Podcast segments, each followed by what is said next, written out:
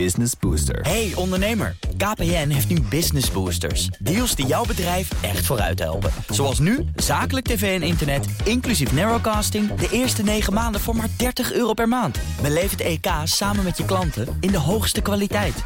Kijk op kpn.com slash businessbooster. Business Booster. Deze podcast wordt mede mogelijk gemaakt door Amdax. Het handelshuis voor de serieuze cryptobelegger.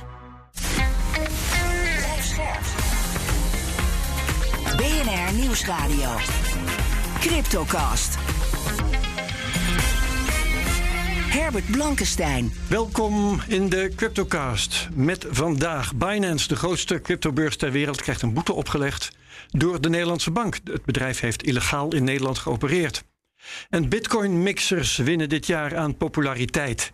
De techniek levert gewone gebruikers veel privacy op, maar wordt ook misbruikt door criminelen. Dit is aflevering 229 van de Cryptocast met een half uur crypto nieuws op de radio. En daarna gaan we door als podcast over Chainalysis en het vak van blockchain-analyse met Bas Lemmens. Hartelijk welkom. Dankjewel. Jij bent General Manager Europe, Middle East en Africa, kortweg EMEA bij Chainalysis. Zeg ik dat goed eigenlijk? Is dat de manier waarop je het uitspreekt? Chainalysis, absoluut. Dat zeg je helemaal goed. Heel goed. Mooi. En mijn co-host is vandaag Krijn Soeterman, cryptojournalist en auteur onder andere van de Crypto Encyclopedie. Klopt, en goedemiddag. Welkom Krijn. Uh, wij geven geen beleggingsadvies, vorm je eigen mening, maak je eigen keuzes, geef ons niet de schuld. Hoe vaak moet ik het nog zeggen? Crypto kan lucratief zijn, maar is ook riskant. Nou, we gaan meteen uh, door over Binance. Uh, nieuws van gisteren. Uh, dat was 18 juli. De grootste cryptobeurs ter wereld heeft een boete opgelegd gekregen van de Nederlandse bank. Moeten 3,3 miljoen euro betalen, ruim. Omdat het op de Nederlandse markt actief is geweest zonder registratie. Krijn, is het hiermee bijltjesdag voor de buitenlandse exchanges? Want er zijn er wel meer die net als Binance op de Nederlandse markt actief willen zijn en actief zijn geweest zonder die registratie. Ja, ze moeten dus uh, gewoon zichzelf geregistreerd hebben. En als ze dat niet hebben, mogen ze niet, uh, zeg maar, geen cryptodiensten aanbieden aan, uh, Nederlands, aan Nederlanders. Of zeg maar, dat betekent dus Nederlands taalgebied. Binance had bijvoorbeeld zijn app, die was Nederlandstalig. Hebben ze even omgedoopt naar Vlaams, maar inmiddels bestaat het ook niet meer. dat is slim. Um, dus je mag gewoon niet actief zijn op de Nederlandse cryptomarkt met bijvoorbeeld reclames en dat soort zaken. Ja, en, als je dat wel, wel doet, uh, dan krijg je, uh, word je op de vingers getikt. En er is een enorme com- uh, hoe, hoeveelheid communicatie geweest tussen Binance en de Nederlandse bank. Dus ik allemaal terug te vinden in een, in een, in een groot verslag van de, de Nederlandse bank zelf. En als je dat leest, is er heel wat heen en weer gegaan. En dit, deze 3,3 miljoen werd al opgelegd op 25 april. Ze hebben wel 5% korting gehad trouwens. 5% korting, ja, wegens uh, goed gedrag. Hè? Het voornemen om te registreren. Daar ze hadden netjes Ja. meegewerkt Ja. vanaf een bepaald punt. Overigens is het uh, gisteren pas bekend geworden hè, met een persbericht in de vroege ochtend. Ja. Uh, enig idee waarom? Um, nee, weet je, Nee. heb jij dat wel iets van gehoord? Dat vroeg ik me Nee, ik namelijk niet. ook Nee, nee, nee, nee, eh, dat vraagt iedereen zich af. Um, we hebben wel, uh, dat is misschien aardig, een reactie van Patrick van der Meijden, voorzitter van de branchevereniging De Verenigde Bitcoinbedrijven Nederland. Die gaf uh, maandag zijn reactie in um, uh, zaken doen bij BNR. En dat kan ik uh, nu gaan laten horen. Is er echt een heel groot concurrentievoordeel behaald door Binance... door dat toezicht voorlopig van zich af te schudden? Ja, zeker. Want die toezichtkosten, dat is waarschijnlijk al, uh, al meer dan die boete die ze nu uh, uh, krijgen. Maar nog veel belangrijker is gewoon dat ze in de tijd dat de Nederlandse partijen zich braaf bij de Nederlandse bank registreerden, ze een aantal eisen voor hun kiezen kregen die eigenlijk ook niet in de wet staan, maar daar wel aan moesten doen. Op straffen dat ze anders hun bedrijf moesten sluiten. Dat heeft al wat toelichting nodig. Patrick zegt dat die boete dat het eigenlijk minder is dan de kosten van toezicht.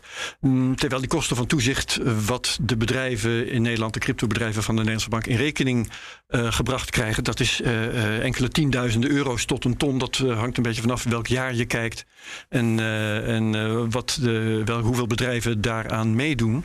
Maar Patrick heeft dat aan mij toegelicht. Hij zegt het heeft ook te maken met andere kosten die te maken hebben met dat toezicht. Namelijk het mogelijk maken van verificatie van klanten, monitoren van transacties en dergelijke. Daar moeten technische dingen voor in het leven worden geroepen, die uh, ook geld kosten.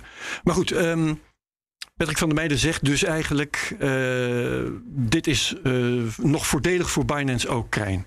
Vind je dat terecht?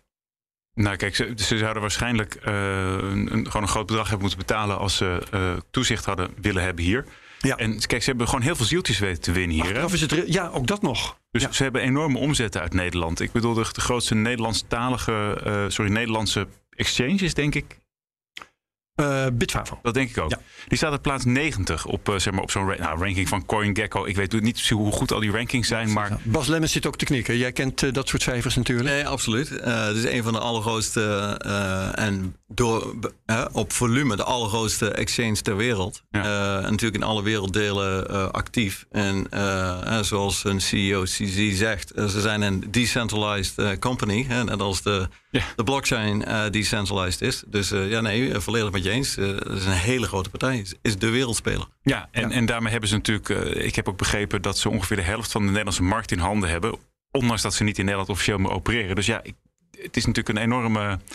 Het is natuurlijk hoe heel veel eh, techbedrijven Ja. opereren. Gewoon begin maar wat en kijk maar wat de boetes worden. Maar dan heb je wel vast je plek Ja, gesecured. ja, ja.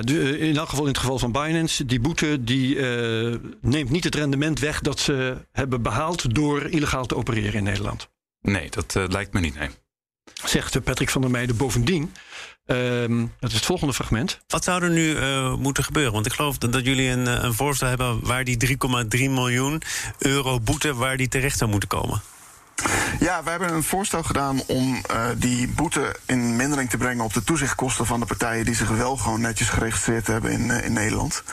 Eh, dat zou in ieder geval de, de pijn nog, nog wat verzachten. Maar ik geloof niet dat dat advies wat wij daarin hebben gedaan is, is, is opgevolgd door, door de Nederlandse bank. Dus de vraag is op dit moment of de Nederlandse partijen onder de streep eigenlijk nog wel profiteren van deze actie die, die DNB nu heeft uitgevoerd. Ja, is een creatief idee. Hè? Gebruik die boete maar om de Nederlandse cryptobedrijven die al geregistreerd zijn, eh, om die minder te laten betalen.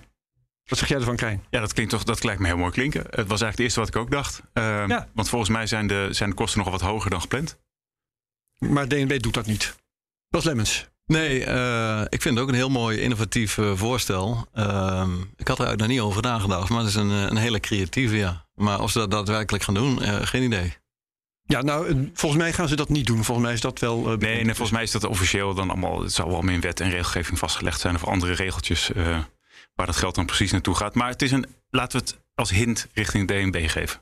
Ja, voor de toekomst. Want er komen nog veel meer eh, bedrijven binnen uit het buitenland. En Ja. dus waarschijnlijk ook nog meer boetes. Ja, en het rare is natuurlijk van aan de andere kant. Ik kan me herinneren dat Mark van der Gijs wel eens gezegd heeft: van ja, als je als, Nederland, als je als bedrijf niet een 100.000 euro daarvoor kunt betalen, ben je dan wel goed bezig. Ben je geknipt voor je neus waard. Ja. En eh, natuurlijk al die grote buitenlandse bedrijven, nou, je ziet hoe, wat, wat de verschillende omzet zijn. Ja, daar zal het zo waarschijnlijk eh, niet, niet zo'n dingetje zijn, zeg maar. Ja, die kunnen dat makkelijk. Ja, want voor Nederlandse begrippen is die 3 miljoen een groot bedrag. Maar voor Binance is het peanuts. Ja, Ik- waarschijnlijk. is een klein bedrag. En je moet het natuurlijk ook in een grotere context plaatsen. Als je gewoon kijkt in Europa, eh, eh, speelt dit fenomeen natuurlijk ook in andere landen. En eh, daar gelden eigenlijk vergelijkbare regels.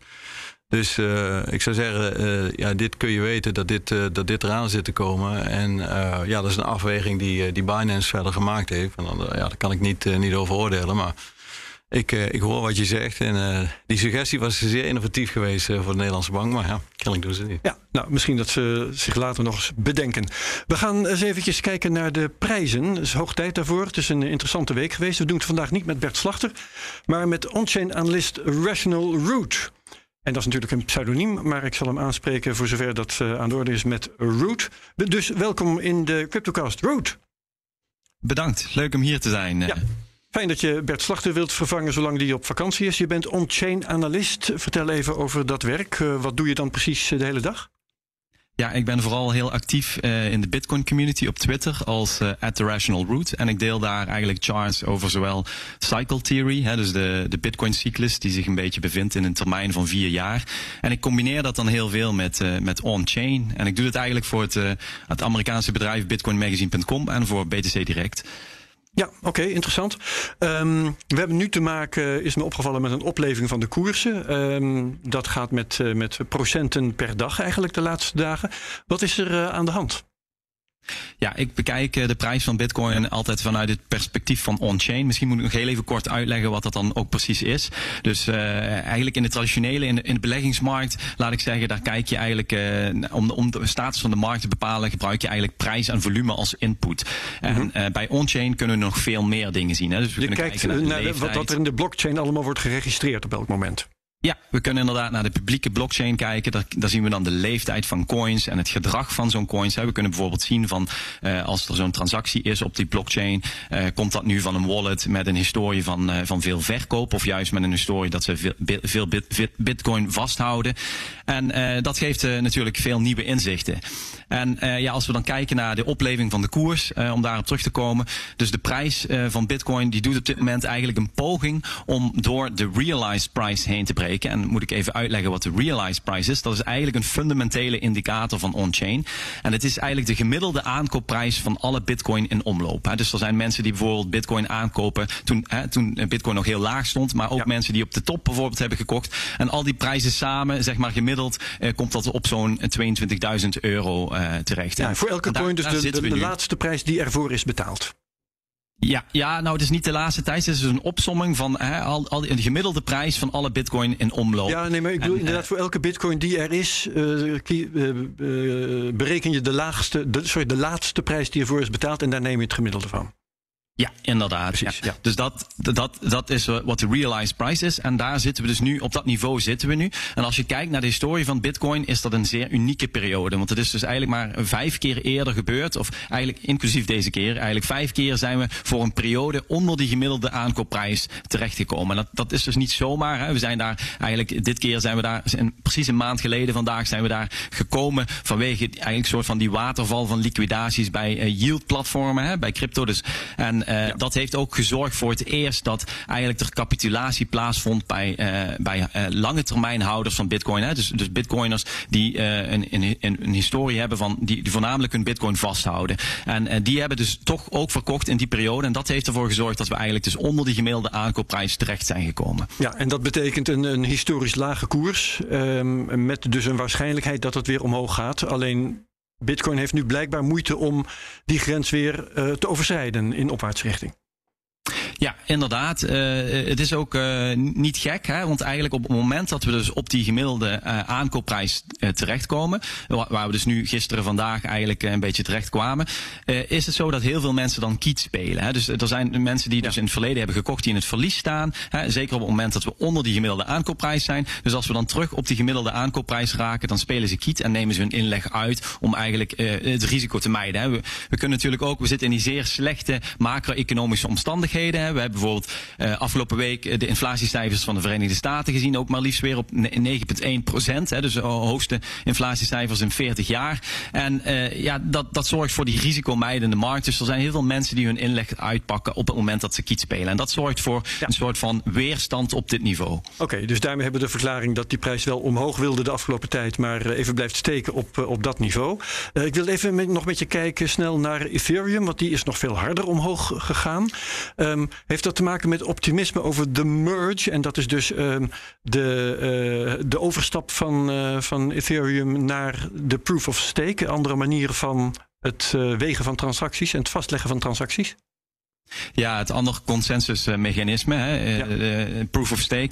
Uh, ja, die merge, uh, die, de kans is heel groot natuurlijk dat die merge weer wordt uitgesteld. Hè. Als we dan het verleden kijken, Ethereum heeft nogal wat historie waar ze alles uitstellen. Het is ook niet makkelijk om dat soort dingen te maken natuurlijk. Dus, nee, ze doen het ook wel heel zorgvuldig, hè?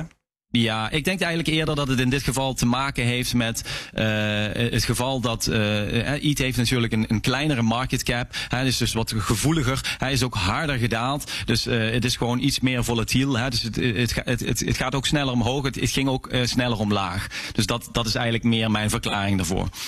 Oké, um, nou hartelijk dank voor deze analyse. Rational Root. En we vinden jou op rationalroot.nl of at rationalroot op Twitter. Ja, de at, at The Rational Root op Twitter. At The Rational Root. Ja, precies. Goed, hartelijk dank eh, voor vandaag. En de komende weken uh, neem je opnieuw de plaats van Bert in. Dus ik zie je in elk geval, ik spreek je in elk geval volgende week weer. Ja, dankjewel. We gaan verder met nieuws hier in de studio van de Cryptocast. Bitcoin mixers winnen dit jaar aan populariteit. Dat blijkt uit onderzoek van Chainalysis. Daar hebben we toevallig iemand uh, van hier zitten. Uh, de technologie verbergt wie geld overmaakt naar wie. En dat levert gebruikers meer privacy op. Maar mixers worden ook vaak gebruikt voor dubieuze zaken. Uh, het gebruik daarvan is 50% gestegen ten opzichte van vorig jaar. En 23% is uh, afkomstig van dubieuze adressen. En dat was 12%. Dus er is van alles aan de hand. Gelukkig zit Bas Lemmens van Chainalysis dus hier bij ons. Bas, uh, de resultaten van dat onderzoek, hebben die jou verrast? Eigenlijk niet, want we zagen dit al, dit al aankomen. Uh, het gebruik van, van mixers heeft een enorme vlucht genomen. Dat is eigenlijk in 2000, ah, nee, 2019 al begonnen. In 2020 zagen we een, een, bepaald volume. En we zien nu meer dan dubbel uh, van dat volume. Uh, dat percentage van 23%, by the way, heb ik gisteren met research gecheckt, is inmiddels 30%. Um, dus je ziet dat mixers meer en meer gebruikt worden. zowel voor illegale activiteiten, hè, crypto-activiteiten die gerelateerd zijn aan een van de 17 categorieën illegale activiteiten. Denk aan scams, ransomware en dat soort dingen. Maar ook voor privacy-doeleinden, ja, dat klopt. Ja, um, noem eens legitieme toepassingen van, van Bitcoin-mixers. Nou ja, goed, kijk, uh, je kunt je natuurlijk voorstellen dat er regimes zijn uh, of uh, waar, waar, laten we zeggen, uh, privacy, financiële privacy zeer belangrijk is en waar je bij wijze van spreken transacties wil doen zonder dat mensen kunnen meekijken. Um, ik kan me ook voorstellen, hè, als je bijvoorbeeld denkt aan bekende figuren, bekende mensen of politici in bepaalde regimes, dat die niet per se willen dat transacties zichtbaar zijn voor iedereen. Um, ja. Maar ook in, uh, wat ik al eerder zeg, totalitaire regimes waar uh, ja, gewoon financiële privacy heel erg belangrijk is uh, voor het individu. Daar worden mixers voor gebruikt. Ja. En dat lijkt me een, een, een goede zaak. En het enige lastige daarvan, Herbert, is natuurlijk dat mixers een hele grote associatie hebben met illegale activiteit. Ja. En, uh, en die koppeling die is keihard uh, bewezen. Dus ja, uh, je moet je altijd afvragen of je dat, of je dat wil gebruiken. Even, even een korte vraag tussendoor. Ik weet niet of dat direct bij de hand hebt, maar het staat 50% gestegen. Maar ten opzichte van wat eigenlijk? Van, van het totale volume aan, aan funds die, in, die naar de mixers gestuurd zijn in 2020. Ja, en, dus, en, dus als het volume zeg maar 100% was, was dat misschien toen 1% en nu 2%? Klopt. Klopt. En weet je toevallig ook de cijfers daarvan? Nou, het ging van 12 oh. naar 23. Ja. Het ja, aandeel oh, dat, van dat, dubieuze adressen. Jij bedoelt in dollars uitgedrukt? Ik bedoel eigenlijk gewoon in het totale volume van de transacties. Nou, ik, laat, laat ik het anders zeggen. Ik kan je wel de metric geven. Uh, verleden jaar 2020 zagen we een, ongeveer een weekly uh, gemiddelde van uh, 30 miljoen. Uh, we zien dat inmiddels op 50 miljoen liggen. Ja. Uh, en zelfs dat stijgt door. Dus uh, vandaar eigenlijk die verdubbeling uh, in, in uh, ja, ja. mixergebruik. Ja, hoe groot is dan het totale bedrag? Ja, dat weet ik zo niet oh, helemaal. Okay. Dat zou ik even moeten nakijken. Wil je kort uitleggen hoe die bitcoin mixers werken? Ja, natuurlijk. een mixer, hè, het doel van een mixer is om eigenlijk hè, wat we noemen de source of funds, oftewel de oorsprong van de gelden, om die te doorbreken. Om, om die koppeling tussen en waar je bitcoin vandaan komt uh, versus uh, waar je hem voor gaat uh, besteden, dat die koppeling verbroken wordt. En we doen dat in, mixers doen dat in feite door, laten we zeggen, een heel veel transacties te combineren. we storten allemaal, laten we zeggen, een aantal bitcoin in een mixer. Die mixer die vat die, al die transacties samen, die gooien ze in een pool. En op basis van een bepaalde verdeelsleutel betalen ze die uh, crypto uit. En daarmee wordt de chain als het ware verbroken. En daarmee kun je dus niet meer de source of funds, oftewel uh, de oorsprong van gelden, uh, vaststellen. Ja. Dan vraag ik me af, het zijn bedrijven die dit doen, die hebben een website, je kunt ze opsporen. en hebben die bedrijven dan niet een uh, administratie die je kunt opvragen met een rechterlijke uitspraak onder je arm? Ja, geweldige, geweldige vraag. Um, er zijn verschillende soorten mixers. Hè. Je hebt centralized mixers en je hebt decentralized mixers. Als je, waar jij het over hebt, zijn de centralized mixers. Dus als er een bedrijf achter zit en er zit ergens een uh, centrale regie, dan kun je natuurlijk in die administratie opzoeken. Hè, als je zij kun, hen kunt aanspreken via een, bijvoorbeeld een gerechtelijk bevel of zo, dan kun je natuurlijk dat blootleggen. Dus centralized uh, mixers zijn wat dat betreft natuurlijk weer een, uh, een zorg voor privacy. Want ja, er is nog steeds een manier om, om daarachter te komen. Bij decentralized mixers is dat het ja. niet. Nee, maar dan zijn ze een zorg voor de opsporing. Uiteraard. Ja, dus dat is, eh, zijn twee kanten van dezelfde medaille. Oké, ehm, laten we het eh, daarbij laten voor wat eh, dit onderwerp betreft. Moeten we nog even vooruitkijken naar onze podcast van Zo Direct. Die gaat over de on-chain analyse. Rational Root vertelde daar al het nodige over. Ehm Chainalysis, dat bedrijf waar jij voor werkt. op wat voor manier ehm, eh, vatten jullie die eh, on-chain analyse op? Ja, wij zijn een, eh, een blockchain analysebedrijf. Hè. We zijn in 2014 opgericht door, eh, door Michael Gronecker en, en eh, Jonathan Levin. Ehm, eh, Michael was ehm, de CEO van Kraken op dat moment. Ehm, en zag naar de Mount Cox hack in feite hoe moeilijk het was om vast te stellen waar die funds nou naartoe zijn gegaan en welke rol is die witwaspraktijk of die, die verduistering heeft plaatsgevonden. Michael en anderen hebben daar mee eh, eh, geholpen. En zodoende hebben we eigenlijk onze eerste analyse tool eh, ontwikkeld met Reactor. En, en wij, ehm, wij leveren dus software en services, producten en diensten, om een blockchain analyse mogelijk te maken en om eh, transacties te volgen, maar ook om daar bijvoorbeeld o- onderzoek naar te doen Ja. of om te kijken of ze compliant zijn. En wat, Ja, voor partijen, wat voor partijen hebben behoefte aan eh, dit soort informatie, aan data uit de blockchain geanalyseerd? Nou, er zijn, we hebben eigenlijk eh, zeg maar een viertal klanten. Je hebt de overheden, hè, eh, politie, justitie vanuit, eh, vanuit de, de crime kant, hè, dus de, de illegaliteit. Eh, denk aan de financiële sector. Eh, denk aan bank- eh, banken en fintechs eh, die, die compliance software willen hebben. Die willen zeker stellen dat die transacties veilig gebeuren. Maar denk ook bijvoorbeeld aan crypto natives. Cryptos bedrijven die, die, die nu gaan opstaan. De, de Web3 bedrijven, NFT handelsplatformen. En als laatste de research en academia. Dus, eh, die, eh, die gebruiken ook veel van onze data. Daar gaan we het in de podcast zo direct eh, uitgebreid over hebben. Tot zover de CryptoCast op BNR. Als je deze aflevering leuk vond, luister dan ook eens naar de AEX-factor op BNR. Ook een programma over investeren en beleggen. En intussen dank aan mijn gast Bas Lemmens van Chainalysis. Dank aan co-host Krijn Soeterman. Ehm, wie meegaat naar de podcast tot straks, wie het hierbij laat, ook bedankt. Prima zo. Graag tot volgende week bij de CryptoCast op BNR. Deze podcast wordt mede mogelijk gemaakt door Amdax. Het handelshuis voor de serieuze cryptobelegger.